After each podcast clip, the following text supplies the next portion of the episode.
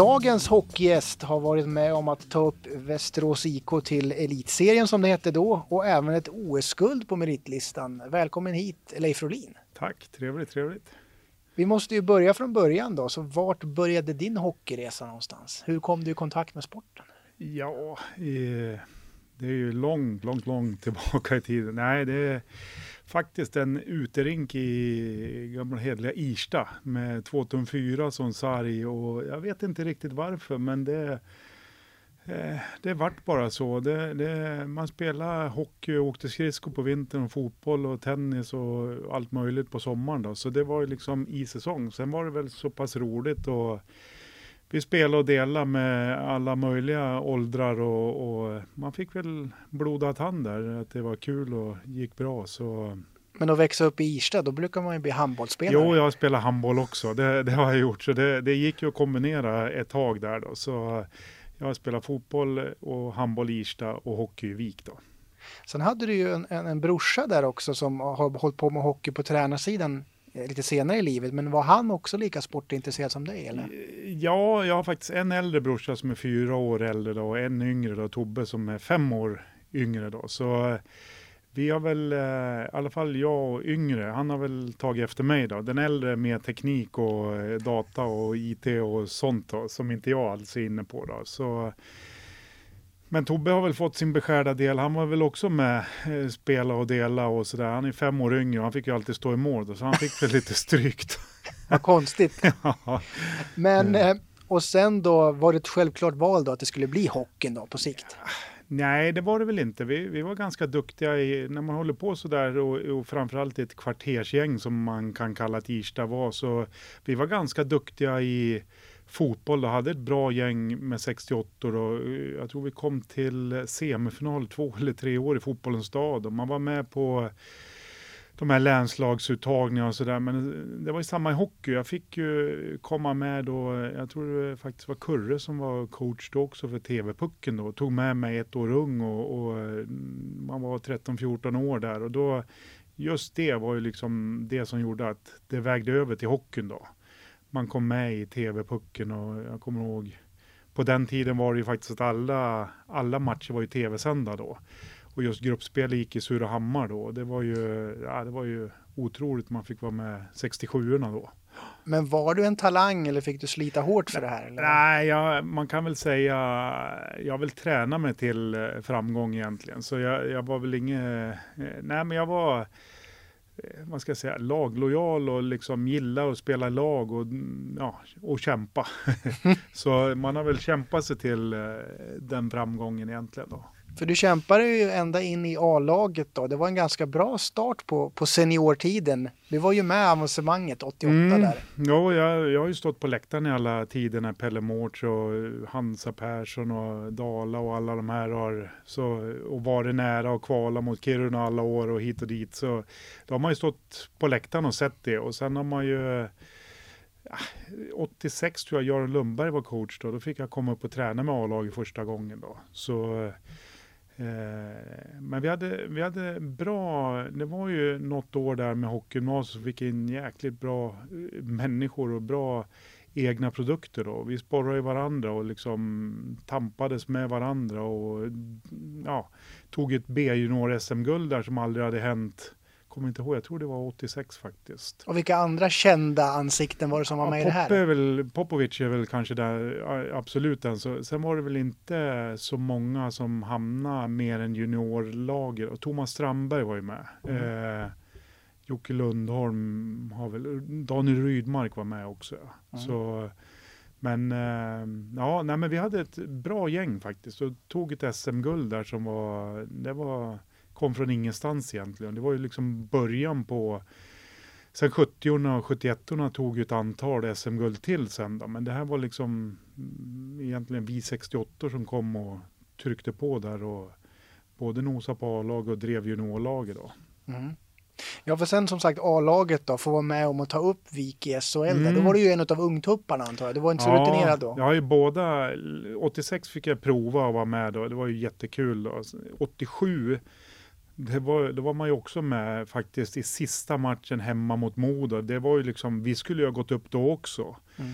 Eh, vart oavgjort och på den tiden var det ju liksom, var det oavgjort så var det oavgjort då. Inga straffar och sådär. Och det, det hade räckt för oss att vinna den matchen och jag vet att vi ledde med 2-0.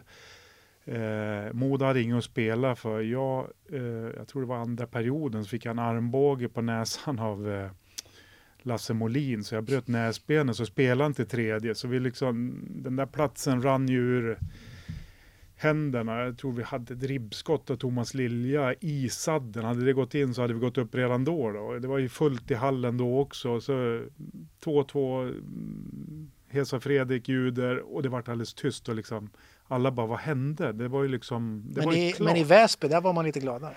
Ja, och de var faktiskt i Örebro och spelade och hade väl vunnit stort mot Örebro då. Så vi, och det hade ju räckt att eh, Örebro också hade liksom tagit poäng eller gjort någonting så. Så det, Modo var ju klara och det var ju två utav fyra lag som gick upp ju. Så det smet Väsby förbi där på slutet då. Så det, mm. Men som tur var så fick vi möta dem 88 då i, i kvalserien också då. Och då hade vi nog lärt oss ganska mycket då. Även om det var en jävla tuff säsong, 87, 88 säsong, den vi gick upp där. Då var det lite halabaloo också då, för då vi hade fått lite blodad tand och gjort lite dåliga resultat där på hösten då. Så ja, det var, mm. det var livat. Ni hade ju en tränare då, Sven-Åke Svensson, när ni gick upp. Han har mm. ju sagt flera gånger att han höjde dig till skyarna som, som, som den lovande unga Rolin där. Men vad, hur var han mm. som tränare? Nej, men han var ju, det var väl, nej men han var jättebra att få ihop grupp då liksom. Det, det var ju kanske inte isträningar och det som var hans eh, stora viktigaste grej, utan han, han handplockade lite spelare och sen fick han ihop ett lag som trodde på allt och, och liksom eh, han var jättebra och liksom peppa och man, det var lite ovanligt med en sån coach då som liksom var en del av laget. Han var, var väldigt, eh, eh, fick ihop gruppen otroligt bra. Mm. Och det var ju liksom det, vi, vi var ju inga jättemegastjärnor sådär utan det, det var lite blandat ungt, gammalt, några på väg ur Rolle Eriksson, Flygis och de här, de var ju lite äldre och etablerade, Anders Berglund och så unga då. Så det var en bra mix då. Mm. Och sen vart du ju draftad också i samma veva där, 88 mm. av Vancouver Canucks. Var man på plats då eller hur funkade det då? Man satt nej, hemma och bara nej. fick ett Ja, för det första eller? så, jag hade ju inte en aning om någonting innan och liksom så jag visste väl att någon scout och lite så men man visste ju knappt vad scouter var på den tiden. hemliga agenter. Ja, hemliga agenter och det var ju det var ju liksom, ja, eh, Thomas Gradin jobbade väl lite åt Vancouver som hade spelat där. Jag, men det var ju liksom, NHL var ju långt bort och man, då, det var ju liksom inga sändningar därifrån. Man fick ju bara läsa resultatet ett par dagar senare i tidningen. Och, och det var och ingen så, som pratade med dig? Nej, heller, inte, utan... inte direkt sådär egentligen så, utan eh, vi visste ju om, jag hade ju spelat junior-VM i Moskva då på ja, på julen där. Det har gått bra, men inte kanske för lag-Sverige då. Vi kom femma tror jag, eller något sånt där. Och, eh, men men eh, i alla fall så var det här midsommar. Vi, jag visste inte ens om att det var draft. Och så så eh, vi hade väl lite baluns och fest och sådär och så ringde ju telefonen och då talade de att jag var draftad och jag visste ju knappt vad det innebar och runda två och liksom jaha, ja men vad, vad hur, kul. Många, hur många rundor finns det då ungefär? nej men så det, nej men det var, men sen eh, dagen efter så ringde ju Aftonbladet, då förstod man liksom, åh fan, det här är kanske något stort då. Så det... Men det är en annan tid, en annan era, när det inte finns internet. Nej, man hade liksom ingen nej, koll. typ så. Inga mobiltelefoner, det var ju fast telefon hemma och det var fest i lägenheten. Man fick låsa in sig på toaletten och så till råga på allt prata lite engelska. Så det var ju, det var ju full kaos. Om man jämför då med dagens läge, du stannade ju kvar i, i Västerås och svensk hockey ganska länge efter draften, för det är ju mer normalt mm. att man åker över på på camper och grejer och så blir man kvar där borta. Hur var läget för dig? Absolut, jag varit ju överbjuden då. Jag tror det inte på camp kan man väl säga, utan det var på sommaren där. Så jag var ju över och tittade på faciliteter och hade eh, liksom, ja, de visade upp stan och allt sånt där då. Så visst, jag låg ju ganska högt på listan där då, men, men eh, jag kände mig väldigt osäker på eh, ja, hur det funkade borta egentligen. Och man fick ju alltid eh, sådana här tvåvägskontrakt då på den tiden. Och jag, jag var lite pessimistisk då, så man, man liksom, okej, okay, ja, farmarlag och då då var det ju väldigt eh, liten skillnad på att vara kvar hemma då, för det var ju, ja, vad kanske det var, 30 000 dollar eller vad det nu var. Och då, man ska ju stå för allting här hemma, flygresor dit och hem och, och lite sådana där saker. Så jag, jag, nej, jag höll på ganska mycket att räkna och, och liksom titta och greja. Och, Sen hade vi ju lite framgång här och det, det var liksom på uppåtgående så jag tänkte ja men det, det, det får väl vänta en stund då.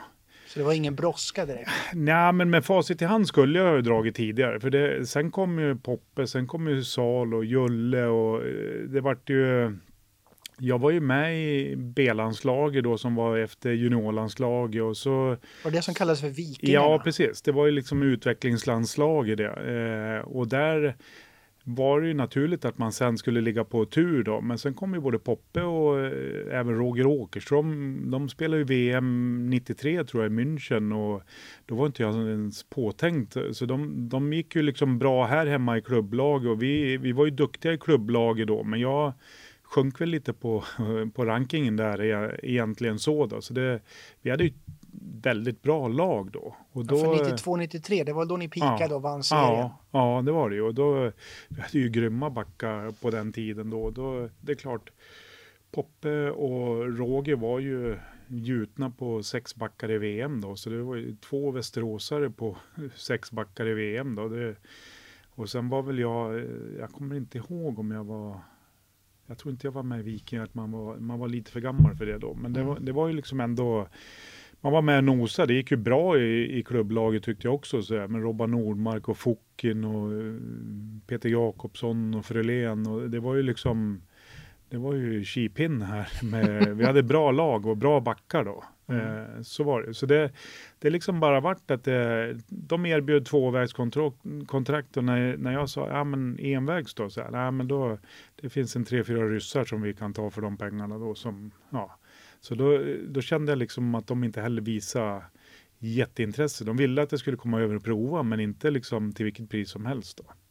Men du hann ju med ett OS-guld också innan det vart eh, ja. NHL. Och hur kom du in i den truppen? Då? För det ja, lät ju som att det var eh, hård konkurrens. Ja, det var, det var hård konkurrens, men det var sam, så drog ju Poppe och det, Fredda Nilsson drog och Julle drog och det, det vart ju lite, och Roger tror jag flyttade till Luleå också, så det, det vart ju en väldig omvälvning i, i klubblaget här också. Det, det vart ny tränare och, och Randy kom in, Edmonds och Nej, men jag kände väl liksom bara och sen vart jag ju pappa eh, 93 då och det hade liksom hänt mycket i livet då. Så 93, 94 där så det var mycket positiva grejer. Hockeyn var inte det viktigaste egentligen så då utan det man var ju superseriös och så men det var ju liksom det fanns andra saker vid sidan av då. Så man växte som människa tror jag. Och så vart det, ja, jag fick en jättebra boost där, kom med i eh, OS-truppen då. Det var ju Eh, jag jullade ju inte då, han var ju med i OS. Så det, det, men vi var, vi var fortfarande ett bra lag i Västerås då. Så det, det, men jag fick mer utrymme då. Måste flika in innan själva OS, Randy Edmonds, var han så tokig som alla de här historierna med springa i trappor och grejer? Eller ja, men det, det var han nog lite grann sådär faktiskt. Men det, det också med distans här så, så, så ja, coacherna var ju speciella på den och framförallt amerikaner. Han var ju ganska ung och sådär. Men jag vet ju, vi hade ju spelat någon träningsmatch och skulle komma hem sent. Vi flög hem från Luleå och kom hem två på natten och hade ju fått stryk och varit ganska dåliga då. Han tyckte ju liksom att det var, så han han ville ju att vi skulle köra ett ispass på, på natten när vi kom hem till Rocklunda vid halv tre, tre då och ringde och jagade vaktmästare och nej, han var, ja han var speciell, det var han faktiskt. Det, det lät man lite Herb Brooks över honom. Ja, jo men mycket av de här amerikanerna, jag, jag tror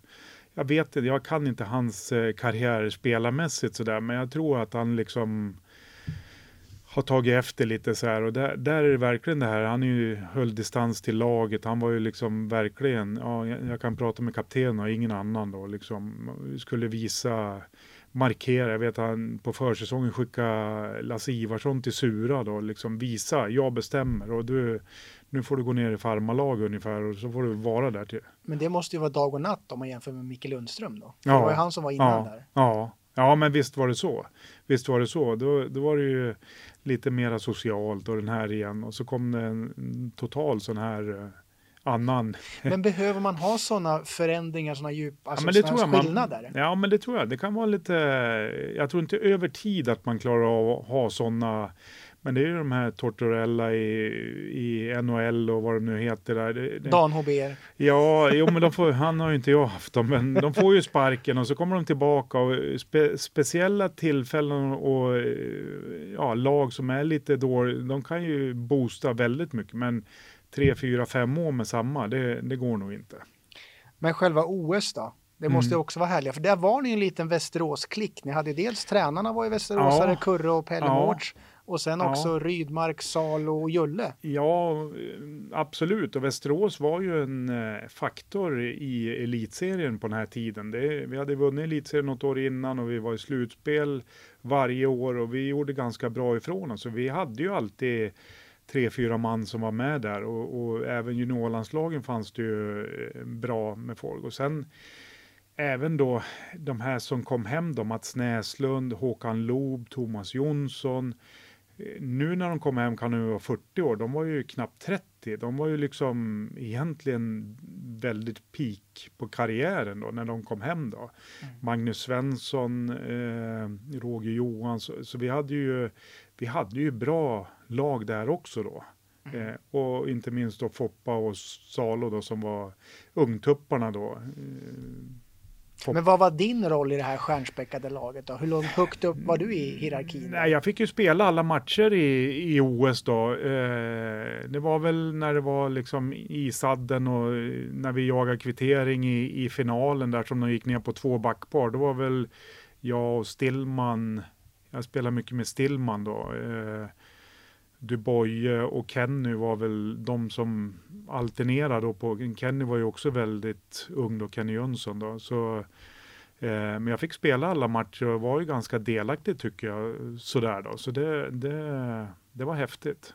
Ja, det är ett minne för livet antar jag. Ja, men det är ju hela den resan och även år efter då när man Eh, då gjorde jag ju personligen en väldigt bra säsong då i, i klubblaget. Och, det var 30 poäng i grundserien ja. och så då var det två mål i slutspelet på två matcher, eller fyra ja. matcher. Ja, det var 15 mål och 15 assist då. Ja. Och det var ju också, vi pratade lite längre fram i tiden, men det var ju fortfarande det, alla eh, mål hade ju aldrig, det var ju väldigt sällan det var dubbla assist om det inte var klapp-klapp-spel och liksom så på den tiden var det ju lite svårare att få assistpoäng. Det var ju liksom då var det riktiga då. poäng. Ja, det var riktiga. Det var liksom inte slå i rundan och sen eh, flipperspel i mittzon och sen mål då, utan det, det var riktiga, och det var bara 39 matcher, eller 40 matcher då. 40 mm. matcher var det, jag spelade 39, jag var borta en match. Men var du redo för NHL då kände du då? Det här ja, är ju 94, då, 95 Då kände jag också då att då, då, då var jag nästan den enda som var kvar. Och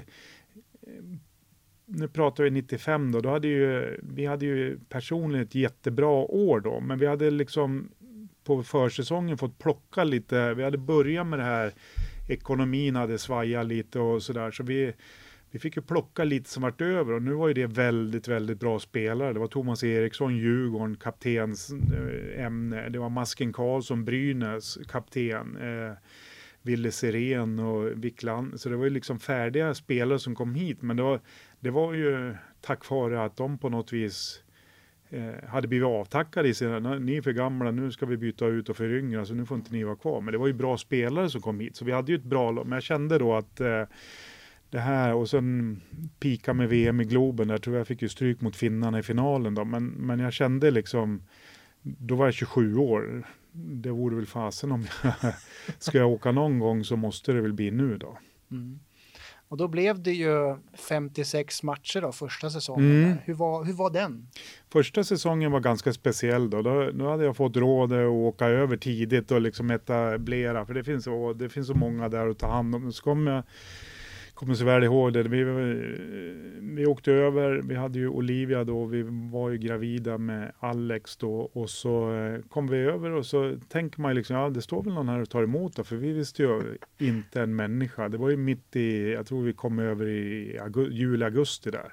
Det var ju liksom en månad innan de så man började ringa där på, på flygplatsen, liksom, okej, okay, vad ska vi göra nu? Var ska vi bo? Vad, hur, hur gör man nu? Eh, fick inte tag i någon och fick ringa till eh, den här scouten som jag hade haft kontakt med då, som var i Toronto på semester. Och Vart så var din agent då, då? Ja, jo, men han var väl också på semester och han bodde också i Toronto, så det var ju liksom, nej, det var lite speciellt där, men, så, men det var en ganska, det var en tuff tid och det det visar sig ju då att man, man gör ju sådana här, eh, ungefär som alla, man flyttar hem och sen de som bor i stan eh, går ihop och tränar då. Så jag fick ju vara med ett gäng och eh, ja, lite olika NHL-proffs då som kanske spelar i Dallas och Rangers och vad det nu var, men bodde i Vancouver då. Så vi fick ju, ja, man fick ju komma igång lite grann där. Sen var det en speciell där som eh, lite grann vart en fadder och tog hand om mig och det var ju lite också speciellt. Det var ju Tim Hunter det. Det är en av de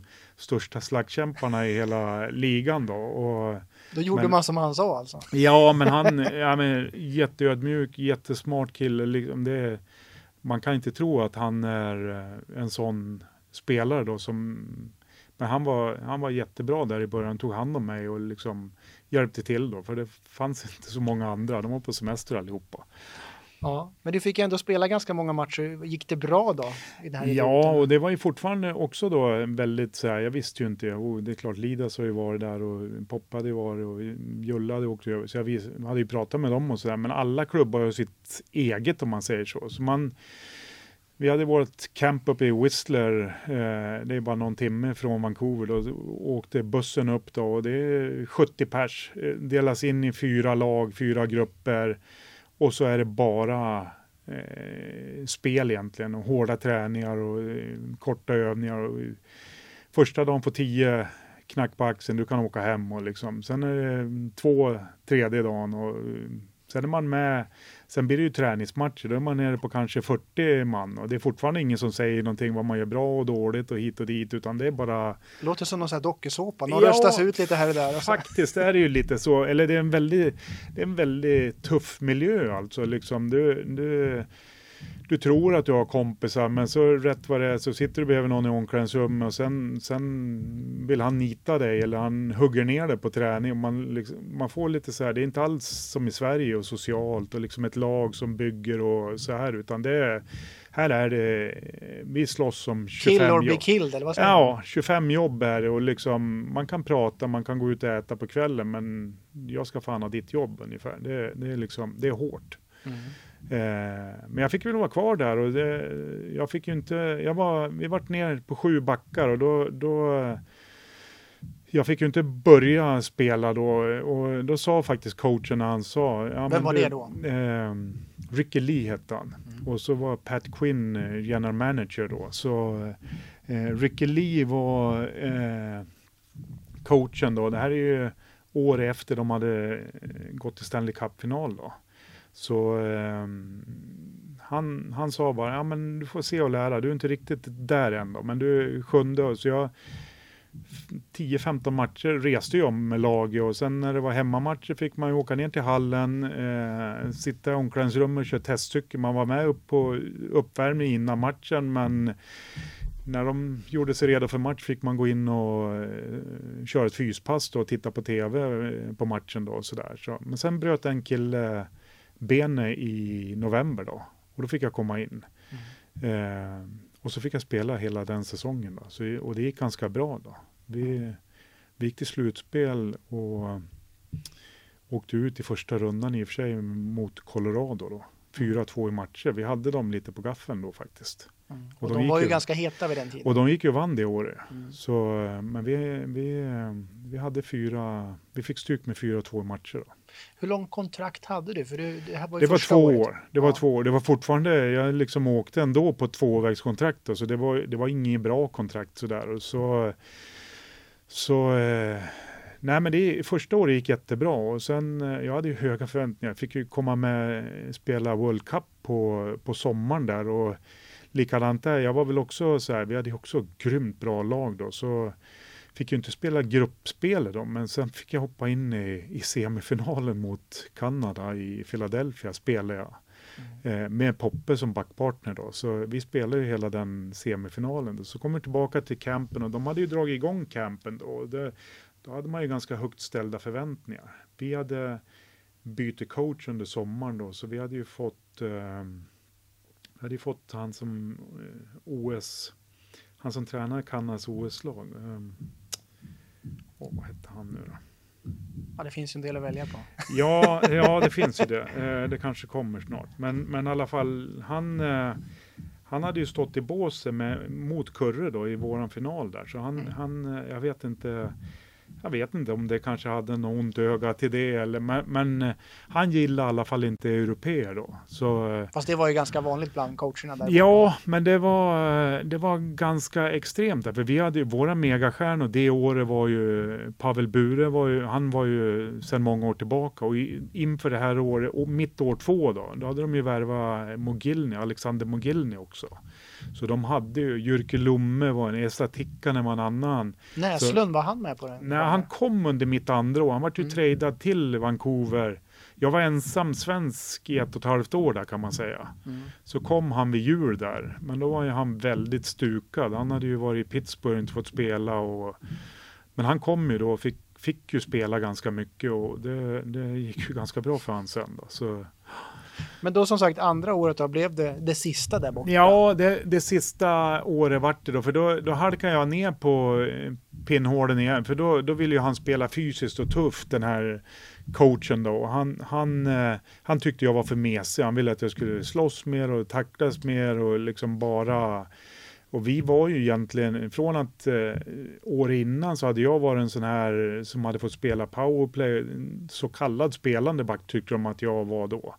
Så vart det liksom, nej du duger inte till, liksom, du är inte tuff nog och hit och dit. Och, så jag gjorde inte mer än 40 matcher och jag vet att då tog jag kontakt med min agent och så bad jag få bli tradad och det sa de tvärnej till och då, då sa de bara nej men vi, vi vet att du kan spela och du är för billig för att, så vi tänker behålla dig.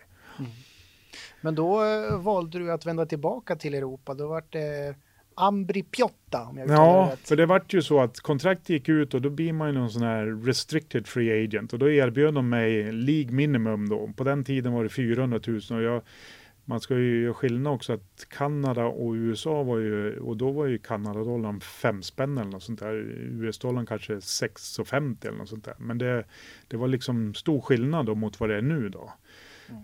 Eh, League minimum 400 000 och så ett farmalagskontrakt då, tvåvägs 75 i farmalag. Då sa nej men de visar ju igen nu att de inte tycker, och framförallt då när jag inte fick spela. Jag var aldrig nedskickad i farmalag. Jag fick ju åka med på roadtrip. Jag kunde ju vara ute på en roadtrip två veckor och inte få spela en match och knappt träna då. Mm. Eh, kan inte trada, men nej, vi vet att du kan spela om det händer någonting. Så. Ja, det var en hangaround helt enkelt. Ja, jo det var det ju då. Och så, nej men då vände vi, då vände vi tillbaka då. Då, eh, då hade jag skaffat en svensk agent då, och då, eh, då eh, vi hade fått lite smak på det här utlandslivet och vill väl liksom testa något och hamna i Schweiz då. Det var ju, det var ju rena drömmen då. Ja, för det var väl inte aktuellt att komma tillbaka till Västerås, för där var det ganska struligt. Nej, då, då var det stökigt då. Jag, och då när du säger Dan och Ber så jag var ju hem på, jag vet, jag var hem någon jul så här och frågade om jag fick träna med, med lag och då, vad fan är du? Och vad... jag kan förstå det. Ja, Nej, helvete, du kan hålla till den där bananligan där nere.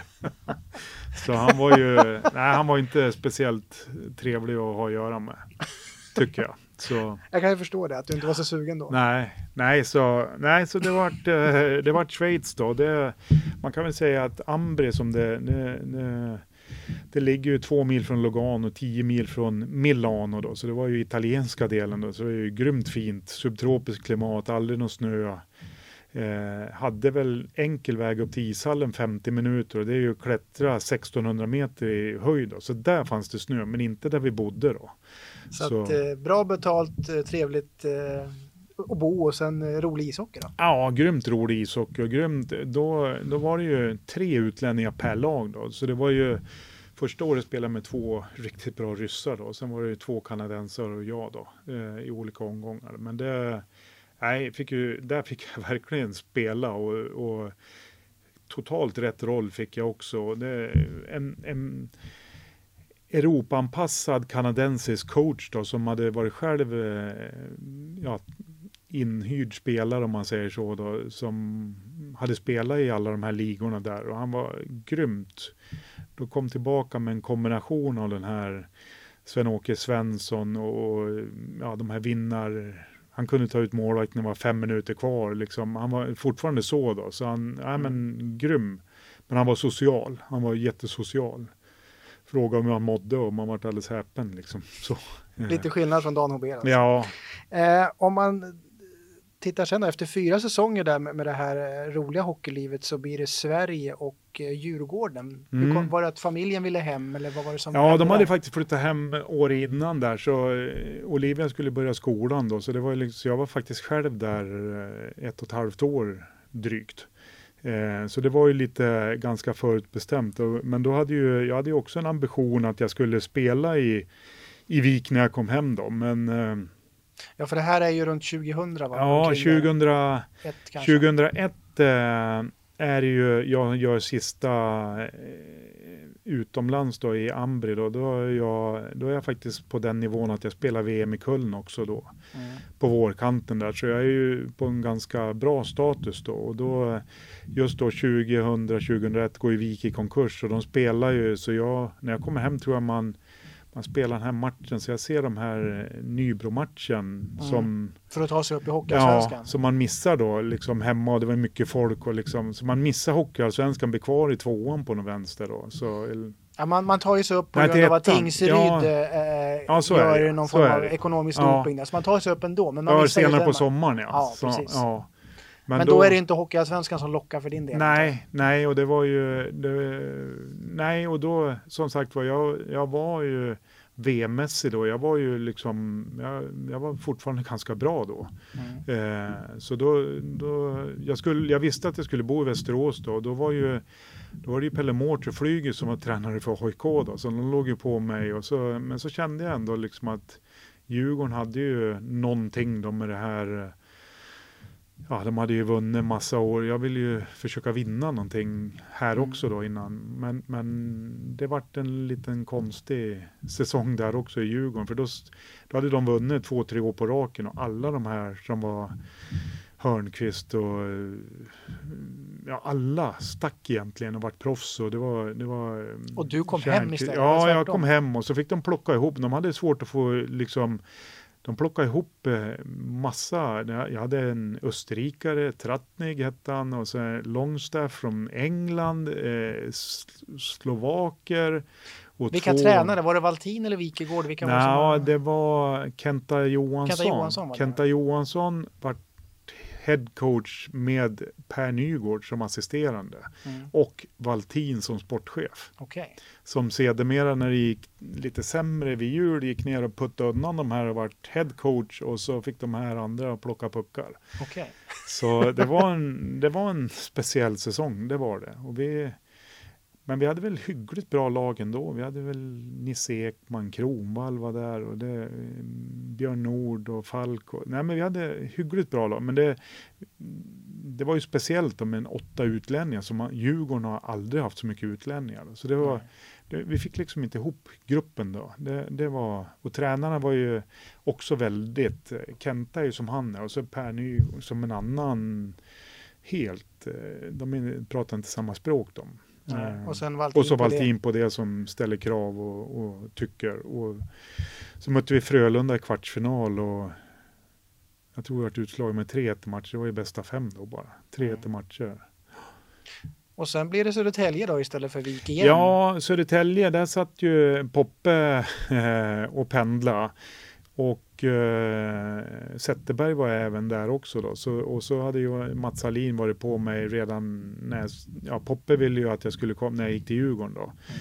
Men eh, ja, och då var det väl liksom, ja, ja, men vi, vi, vi hoppar på det. Och då byggde de ett ganska spännande lag med lite finnar och så här, Joa Lind och Törminen och mm. ja, de hade också ganska, eh, så, men vi hamnade också en turbulent tränarsäsong där. Liksom vi, vi låg bra till eh, vid jul där. På nyårsafton hade vi, jag kommer ihåg, vi hade träning på nyårsafton. Vi hade match andra januari tror jag. Något sånt där. Då fick eh, Särkijärvi sparken på nyårsafton. Och så kom Timo Lahtinen in. Och så ja, äckligt disciplinerat. Så då, från att ha varit slutspelslag, jag tror vi låg femma eller sexa då när han fick sparken då som Hallin tyckte liksom att vi ska ligga etta, tvåa då. Så så slutar vi nio eller tio då. Ja. Greja liksom ingenmansland i sista matchen då. Ja. Sista matchen för säsongen. Eh, och det, nej då, men eh, redan den säsongen hade jag börjat få problem med ryggen då. Så då, då hade så infernaliskt ont efter matcher och efter hård träning och sådär. Så, mm. Och det här är en skada som uppkom där i Djurgården? Här ja, Djurgården, eh, de hade, och det är lite så här man kan komma på sig i efterhand. Så här. Man var 32 plus och då hade man internat och man var där en vecka och så var man hemma och tränade tre veckor. Men när man tränade, då tränade man tre pass om dagen då. Mm. Och så var det ju liksom tung skivstång, det var jämfota hopp med kroppsvikten på ryggen och det hade ju jag liksom inte gjort på... Nej, eh, Riktig gristräning? Ja, men och, och liksom teknikmässigt var det på en hög nivå då. Så man liksom Eh, och jag hade inte alls tränat så, så jag fick ju buktade diskar i, i, i ryggen då som, ja, de gjorde en magnetröntgen där sommaren 2003 då. då. Då startade jag aldrig säsongen, då tyckte de att jag skulle rehabträna då. Sen, sen visade det sig att eh, den här matchen i Södertälje vart min sista riktiga tävlingsmatch om man säger så. Mm. Och det var aldrig aktuellt att försöka rehabba och komma tillbaka? Jo, men jag gjorde det, men det, det, det vart aldrig på den nivån. Sen, sen, sen har jag väl inte eh, kunnat spela, utan jag försökte bara träna på den tiden och det, det, det gick inte. Det, det, det var... Sen vart jag klassificerad, var vart väl utdömd egentligen på något vis då, för då eh, man var ju tvungen det var ju via Försäkringskassan, liksom, du kan ju inte gå där hur länge som helst och klubben måste ju veta och så, mm. så vart man liksom stämpel i baken, föredetting. Ja. men, men vad, vad hände då, då? Det här är ju 2003 och sen är det ju ett litet vakuum fram till att du blir sportchef i VIK 2007. Ja. Vad händer under den här perioden? Nej, egentligen händer det ganska mycket för då, då funderar jag på vad livet och, och samtidigt så brorsan har varit inne i hockeyn där och tränat lite grann och sen har ju Christer Bo Brostedt, eh, finns det ju en liten person i Viks historia som han sög in mig ganska tidigt som, ja, han tyckte som konsult och Ronny Karlsson var ju säljare som jag kände igen så, så jag började faktiskt hjälpa dem lite på provision och jag visste inte riktigt vad jag ville hålla på med då. Så jag, jag hade ju precis avslutat min karriär eller blivit utdömd så okej, okay, nu är det slut då. Mm. Så under sommaren där så, så gick Christer på mig och Ronny vill att jag ska hjälpa han lite. Så jag tar kontakt med lite sponsorer, säljer lite sponsorpaket och lite sånt här då. Så börjar säsongen och då, då, då blir jag lite allt i allo egentligen på kansli med bärsa. Det finns inte så många på kansli eh, på den här tiden. Så det finns en styrelse som är ganska operativ på den tiden. Och de behöver ju hjälp. Och jag menar, Christer och Susanne då, de, de städade ju kiosken inför säsong och tvättade fönster och de gjorde ju allt.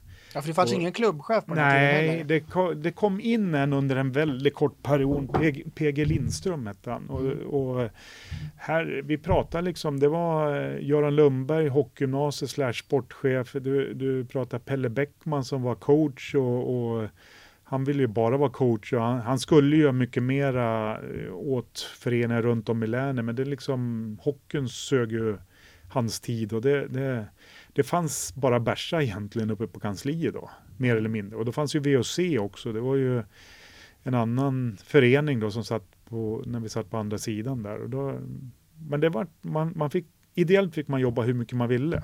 Mm. Men det var ju så, Göran Lundberg var sportchef och sen var Mm. Bäckman här. Mm. Bäckman gick till Frölunda, Tornberg tar över tränaregenskaperna. Sen Mm. skulle ju Bäckman bli sportchef, men då blev du sportchef istället. Ja, och det, lite innan där hade väl jag blivit någon klubbchef-aktigt ledar, ja, jag vet inte riktigt vad man, ingen korrekt titel sådär, men sen, sen började ju sporten gå lite bättre, ekonomin vart lite bättre, det kom in nytt folk i styrelsen, bland annat Anders Berglund då, och Anders Berglund införde ju ett litet mera, eh, vad ska man säga, tjänstemannaansvar då. Att vi kan inte hålla på och peta med, för jag var ju, vart det strul på en match och det var mycket bilar ute, då var man ute på parkeringen och for. Var det tv-sändning här och det vart något fel så var man ju där och for. Och liksom, men då, då, det var faktiskt Anders som renodlade och Anders Eklund kom in som klubbchef. Liksom, Okej, rapporter till styrelsen, så det vart ju mer proffsigt då. Eh, och då, då splittar man på den här klubbchefs, sportchefs eh, och då vart det liksom varsin. Då. Så vart jag uppkallad till styrelsemöten i form av sportchef och Anders som klubbchef. Och så hade vi våra grejer ihop och, och sådär. Då. Så det, det vart ju liksom mer renodlat så. Och då, det var egentligen Anders som ville att jag, ja men du kan ju sporten. Och så var ju han ansvarig i styrelsen för sporten om man säger så. Mm. Berglund alltså. Ja, Mm. så då hade vi kontakten.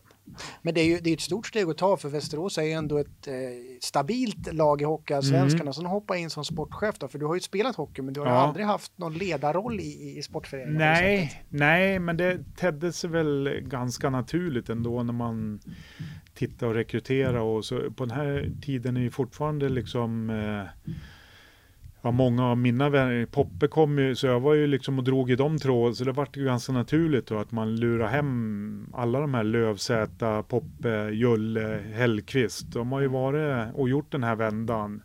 Eh, och det är väl lite för att man har dragit i trådarna och det, det men det var en ganska häftig tid då, för det, på den tiden var det liksom, det var ingen som hade med någon annan och de, de kom ju hem från miljonlöner och gick ner och hade liksom 20-25 tusen i månaden då. Mm. Som var, nej men det var vi betalade, inget mera. Så det, det För det vart ju, ett, man ska inte kalla det för misslyckat projekt, men när alla de här proffsen kom hem samtidigt så vart det ju lite jobbigt för dem att gå från det här proffslivet till Mm. att ha jobb på dagarna. Mm. Det är säsongen Mm. 05-06 där, Mm. men alla de här kom hem Ja. samtidigt.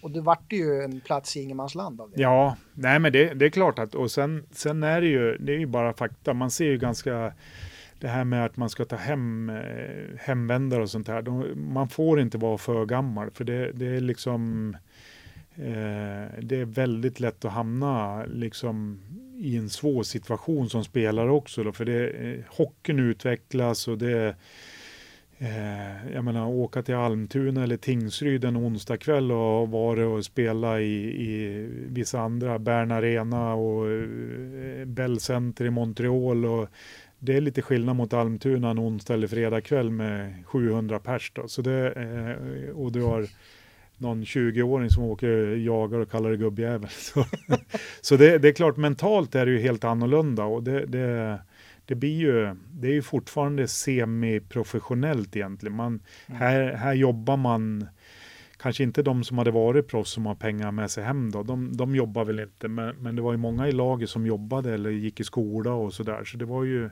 träningar på eftermiddagar och lite sådär. Så det, Men din, din första riktiga säsong som sportchef då, då pratar vi 06-07 eller vilken säsong pratar vi om Mm, jag där? skulle tro att det är där framme någonstans, ja. Ja, för att eh, det är då Bäckman hoppar av och sen 07-08 där, det är då Ja. du kör på heltid som Ja, sportchef. ja. Och då...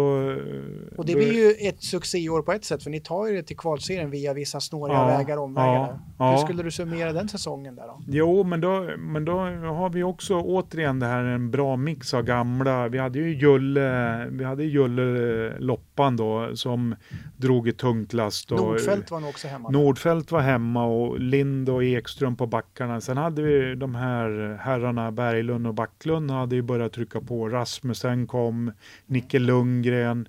Eh, så det, det var ju det började komma lite bra juniorer där också från egna led då. Så 85, 86, 87 var väl inte så starka juniorkullar. 88, 89, 90 började det bli lite tryck igen då. Mm. Och jag menar Berglund vann ju poängligan så och han spelade med Patrik Nilsson och uh, Julle. Julle ja. ja och vart ju en stark första linje. Patline Ja, Patline, ja precis ja. Och, det, nej, men då, och, och, vi tog oss ju till och mötte ju Brynäs bland annat i, i eh, Första omgången borta. Ja, och de hade ju han hårdskjutande rightaren där. Brändel. Ja, Brändel, Pavel Brändel ja.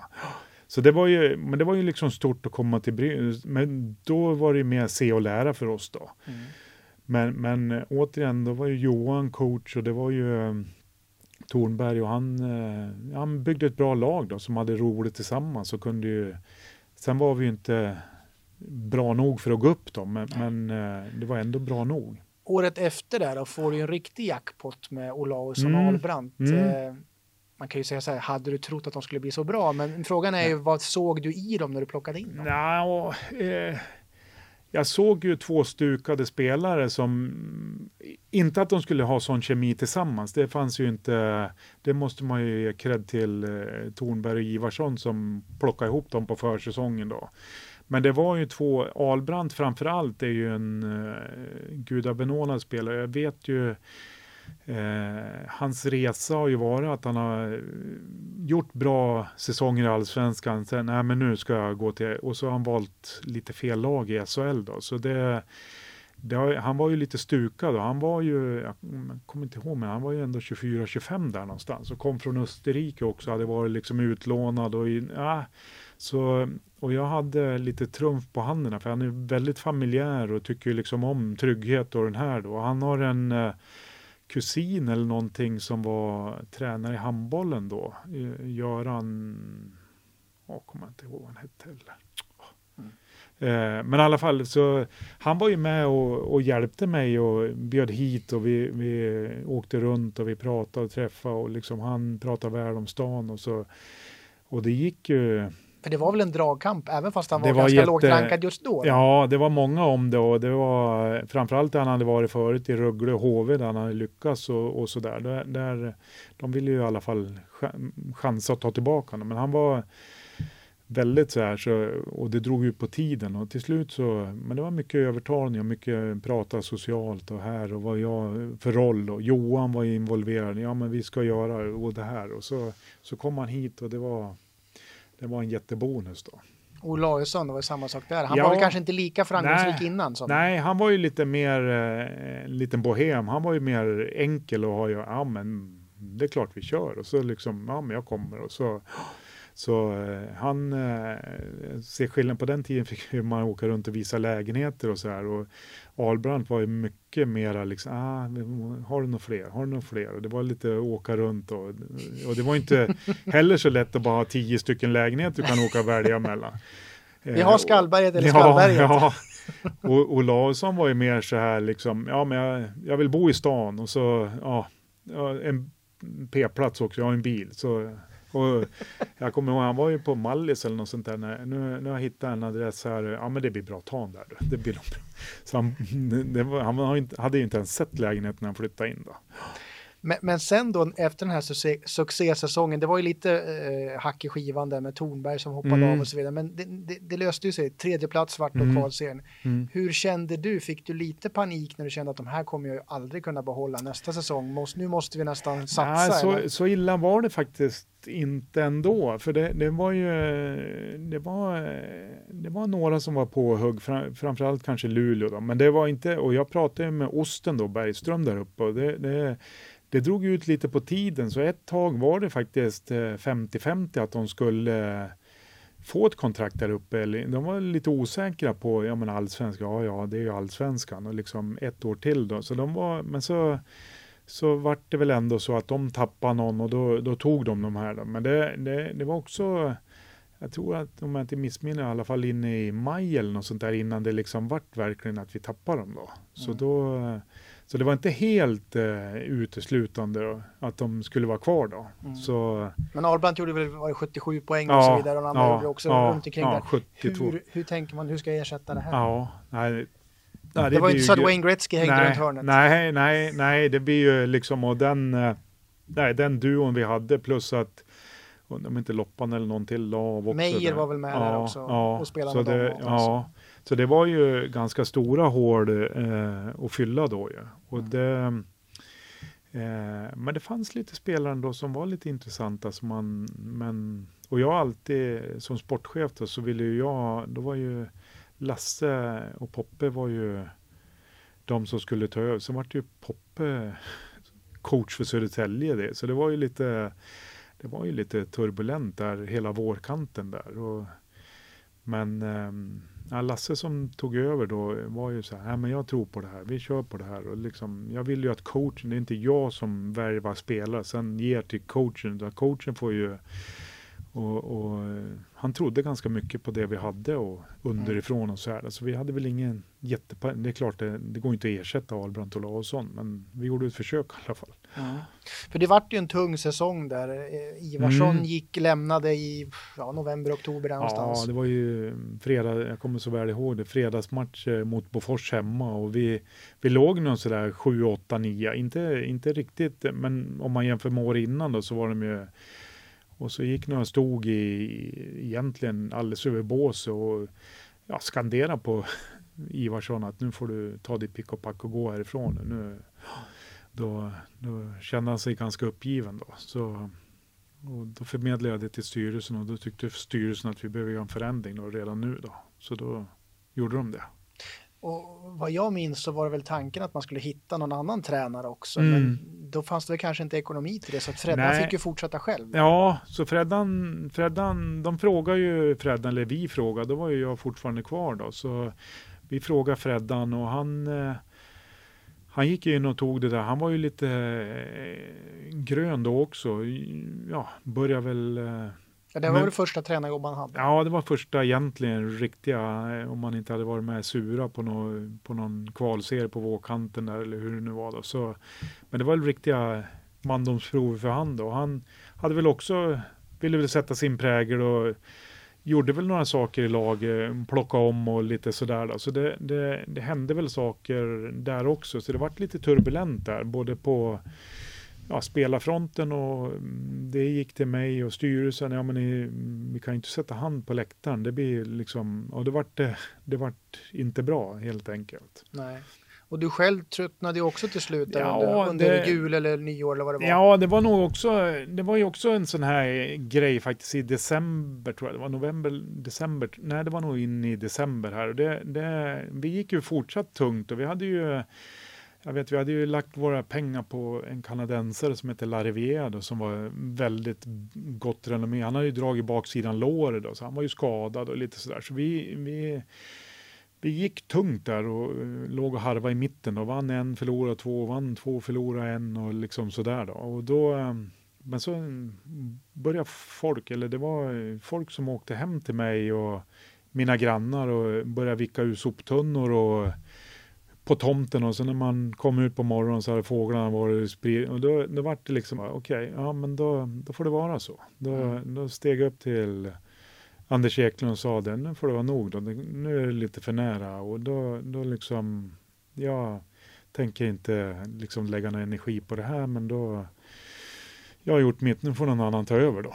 Mm. Så Och kan man säga att där tröttnade du lite grann på hockeyn? Ja. För det blev ju inget efter det. Nej, efter det så, så vart det liksom en liten, eh, återigen så här, eh, vad ska jag göra nu då, ungefär, nu när jag blir vuxen och så. Då. Så jag, jag visste ju inte riktigt vad jag skulle göra för någonting då. Jag hade väl ingen utbildning, jag var inte så sugen på utbildning, men jag ville ju göra någonting då. Så ett halvår senare så började jag jobba åt eh, Teamsport då, som var leverantör till Vik. Då. Så det vart ju en sportaffär istället. Då.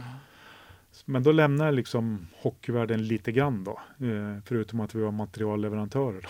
Ja, du fick lite kontakt. Ja. Men, men, men många av de här, vad ska man säga, äldre spelare och som hänger sig kvar vid hockey, men kände du att ja, men, nu vill jag göra någonting annat, du ville bryta lite grann med Ja, hockey? jo, men det, det vill jag göra faktiskt. För då, då, då kände jag att jag hade liksom både varit med i styrelsen, jag hade varit med som klubbchef, som sportchef och, eh, och tränare har jag jag hade ju varit med grabben, eller var ju med grabben hela vägen upp då till U16. Så jag, Men jag kände aldrig det där suget att bli junior A-lagstränare. Tränare kände jag liksom inte riktigt för då. Men ledare har jag kunnat vara sådär. Och det, men jag kände liksom bara att nej men nu, nu är det dags för någon annan att ta över då. Men idag då, får du aldrig något sug av att men fan, jag kan gå in i Sura med Julle och bli general manager där, eller hur? Nej, men jag är, jag är liksom, nu har jag släppt sådär och det, det händer ju så mycket fortfarande i hockeyn och det, det är iPads och det är video och det, det är teknik och allt sånt här. Så jag tycker väl fortfarande om hockey och sådär, men det, det går ju ganska fort och det jag ser extremt mycket hockey sådär, men det är, det är, inte alltid att jag behöver se, jag ser inte Vik jättemycket live egentligen, men jag ser, ser Vik ändå om man säger så. Följer det slaviskt, det gör jag. Men det finns ju många gamla hockeyspelare som kanske känner att jag måste ha tävlingsinstinkt, jag måste, jag måste få vinna någonting. Men ja, det har du kommit över då? Ja, men jag har det på torsdagskvällar med Vikveteranerna. Jaha, okej. Okay. Det är där du får utlopp ja, för det? Ja, där får jag utlopp för det. Nej, nej men skämt åsido så Nej men det, det, är klart jag saknar omklädningsrummet, saknar det här tugget och liksom det, det gör jag. Mm. Men, men äh, inte så att det är värt att sitta i buss och flyg och åka. Jag skulle inte vilja bli assisterande tränare i, i något lag och liksom åka bussar. Det, jag känner mig ganska färdig med det. Mm. Och då lockar det inte att bli scout heller, åka världen runt? Nej, nej, nej det gör det inte. Det gör det inte. Så jag, jag tycker jag har det ganska bra nu. Man, det är tillräckligt med hockey på tv som man kan följa. Men du har ju följt ändå Vik från sidan om då? med mm. bekvämt avstånd. Hur tycker ja. du att den här resan har varit? För att man har ju varit ner och vänt ytterligare en gång. 2000 ja. var man ner och vände och man ja. kan säga att man vänder nu också i Hockeyettan. Ja, nej men det är ju det är ett syndrom som, man, som jag tycker, sen, sen kan jag tycka lite så här, i och för sig då, man, man, för mig är det kanske inte det viktigaste att gå upp i SHL då, för det, det, är så otroligt mycket pengar som följer med det. Utan jag tycker liksom så länge man spelar bra hockey, har bra folk på läktarna och alla har en bra produkt att titta på. Sen, sen kan jag tycka liksom Hockeyallsvenskan och eh, SHL, ja, det är klart det är roligare om det är SHL, det är det ju. Ibland så kanske man måste prata om, ja men Dennis Rasmussen, ska vi titta på han? Ja men han kanske får 200 000 i månaden om han går till Växjö. Mm. Varför ska han gå till Vik för 28? Mm. Eh, han kanske gör det i framtiden, det vet jag inte. Men eh, det kanske är någon som, ja men okej, ska vi ha en marknadsmässig sån, då, ja, då kostar det så. Mm. Ska du ha hit Bruce Springsteen så kostar han så här mycket. Då får du östen med resten. ja, ja, men lite, jag vet inte. Och det, det är ju samma egentligen med bandyn och fotbollen också. Liksom. Man pratar att vi borde ligga där, men det kostar. Eh, och publiken kommer aldrig kunna bära det ansvaret. Mm. Eh, utan det måste näringslivet, och så måste ju vi ge tillbaka någonting som näringslivet tycker att det är värt. Så mm. det där är en klurig fråga. Mm. Arena är ju uppe mycket. Om man tittar i andra städer så är det ju liksom arenorna som drar. Eh, man kan dra, dra dit sponsorer, man kan ha middag, man kan ha möten och konferenser och hit och dit. Det är inte möjligt i en arena som är byggd 65. Mm. Så man har ju sminkat en gris här och det är väldigt bra för dem. Och det, jag menar, det, är inget, det är ingen dålig arena i Rocklunda, det är inte det jag säger. Men ska man prata SHL så måste man liksom vara ärlig och säga att så här kostar det. Mm. Men om du säger att du har släppt hockeyn, då har den här coronakrisen inte slagit så hårt mot dig då? Ja, men det är NHL-slutspel, SM-slutspel, vad 17 gubbar, även VIK då. Det, det, nej, men det, det, är klart att det här är ju det här är ju tragiska konsekvenser som kommer att få eh, ett jäkla efterspel på både idrottsvärlden och näringslivet. Då.